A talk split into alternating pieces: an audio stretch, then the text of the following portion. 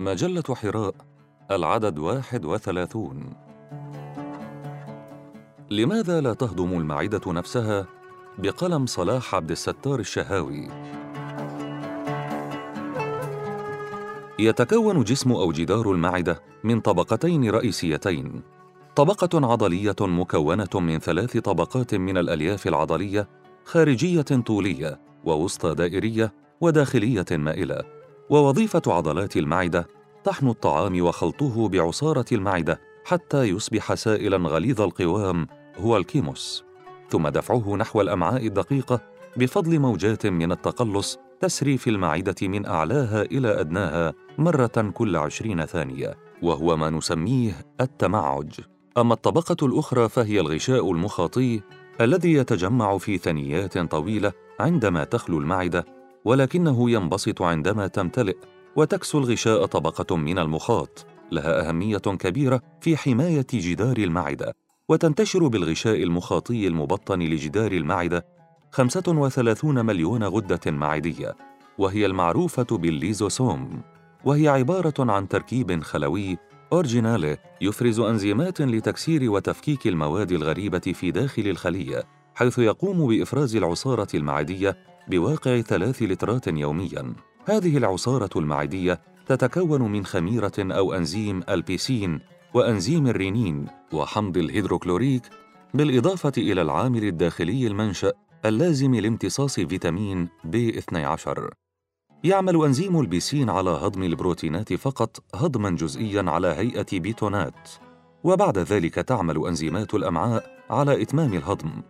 والببسين يفرز في المعدة على شكل غير فعال حتى إذا وصل إلى تجويف المعدة.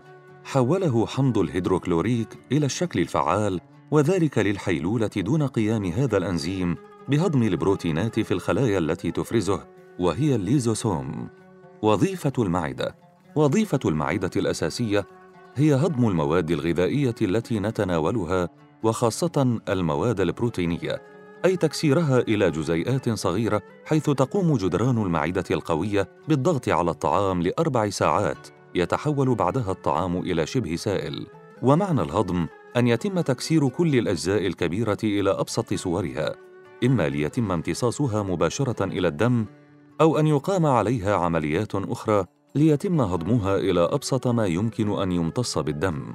فإن لم يتم ذلك التكسير بصورة جيدة وجدنا المشكلات الصحية الكبيرة كسوء التغذية والأنيميا وعدم هضم البروتين والانتفاخات وغيرها من أمراض الجهاز الهضمي التي كثيرا ما تؤرق الناس كلهم.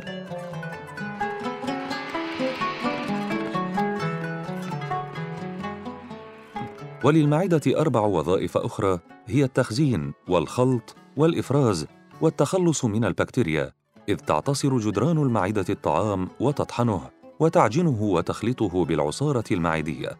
والمعدة دورها حيوي ليس فقط في هذه الصورة، وإنما أيضاً لأنها تعادل المواد التي تدخل إليها معادلة أس هيدروجينية، بمعنى أن تنظم المعدة الرقم الهيدروجيني بما يناسب الحامضية التي يكون عليها الدم لأنه لو ابتلع الإنسان شيئا حامضيا أو قلويا كيف يسير إلى تيار دم بهذه الصورة؟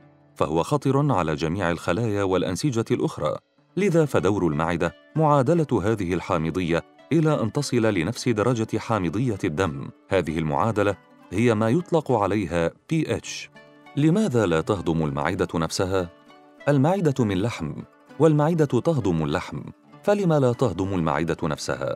المعدة لها غشاء مخاطي يقوم بوقاية بطانة المعدة من حمض الكلور وأنزيم البيسين. ولكن لا يوجد غشاء يحمي باقي عضيات الخلية من تأثير هذه الأنزيمات لأن الأنزيمات الهاضمة موجودة فقط داخل هذه العضيات.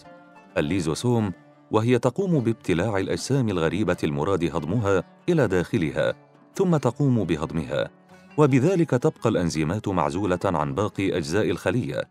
وذلك عامة أحد طرق موت الخلايا المريضة أو الخلايا التي انتهى عمرها عن طريق انفجار هذه العضيات. وتسرب الأنزيمات إلى باقي أجزاء الخلية وتحللها ثم موت الخلية.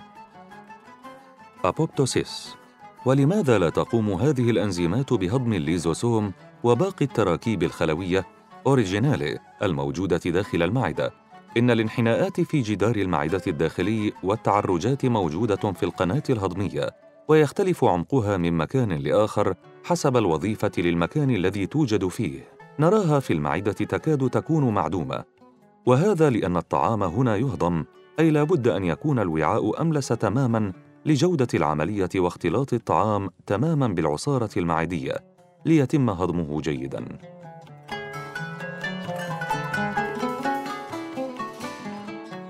والمعدة فيها تعاريج بسيطة جدا وفيها معادلة للأحماض والقلويات pH التي تدخل الجسم.